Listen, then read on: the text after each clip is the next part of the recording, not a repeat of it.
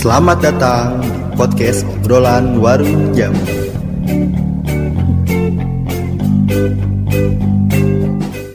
Hai, lo semua lagi dengerin podcast obrolan warung jamu bersama gue Satrio. Nah, ternyata sekarang udah hari Senin aja nih, udah cepet banget ya waktu. Nah, sorry juga nih buat yang suka dengerin podcast kita karena di podcast di konten utama kita kita lagi jarang udah beberapa minggu ya udah dua minggu ini nggak upload. Soalnya ya gue sama Aldian ini lagi benar-benar sibuk sama kerjaan sih. Jadi konten versi gue ini gue rekam sendiri-sendiri si Aldian sendiri di rumahnya dan gue di rumah gue gitu.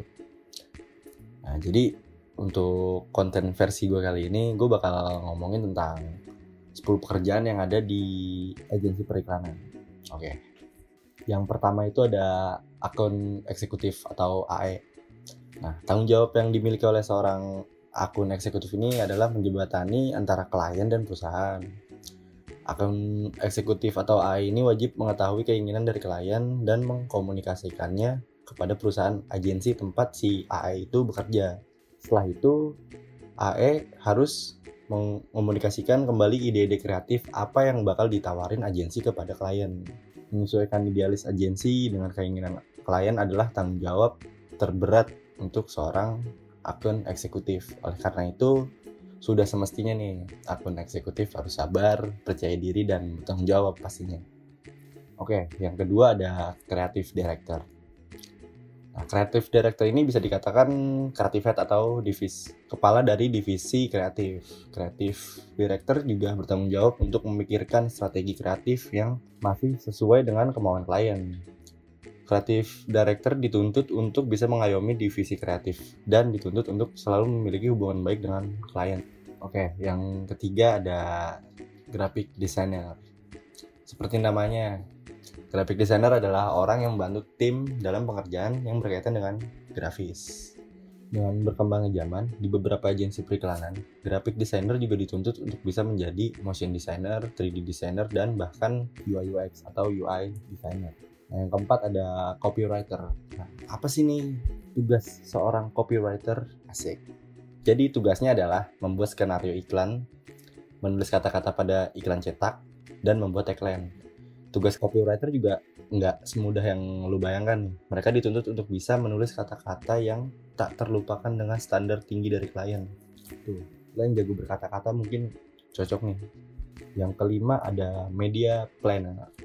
Sesuai namanya, media planner memiliki tanggung jawab untuk merencanakan media apa yang akan digunakan untuk beriklan. Media yang dipilih harus sesuai dengan produk yang akan diiklankan. Oke lanjut yang keenam. Yang keenam itu ada digital strategi pada era digital, dibutuhkan seseorang yang bisa mengampanyekan materi iklan di berbagai kanal internet. Digital strategik adalah orangnya. Mereka bertanggung jawab akan strategi periklanan di dunia maya.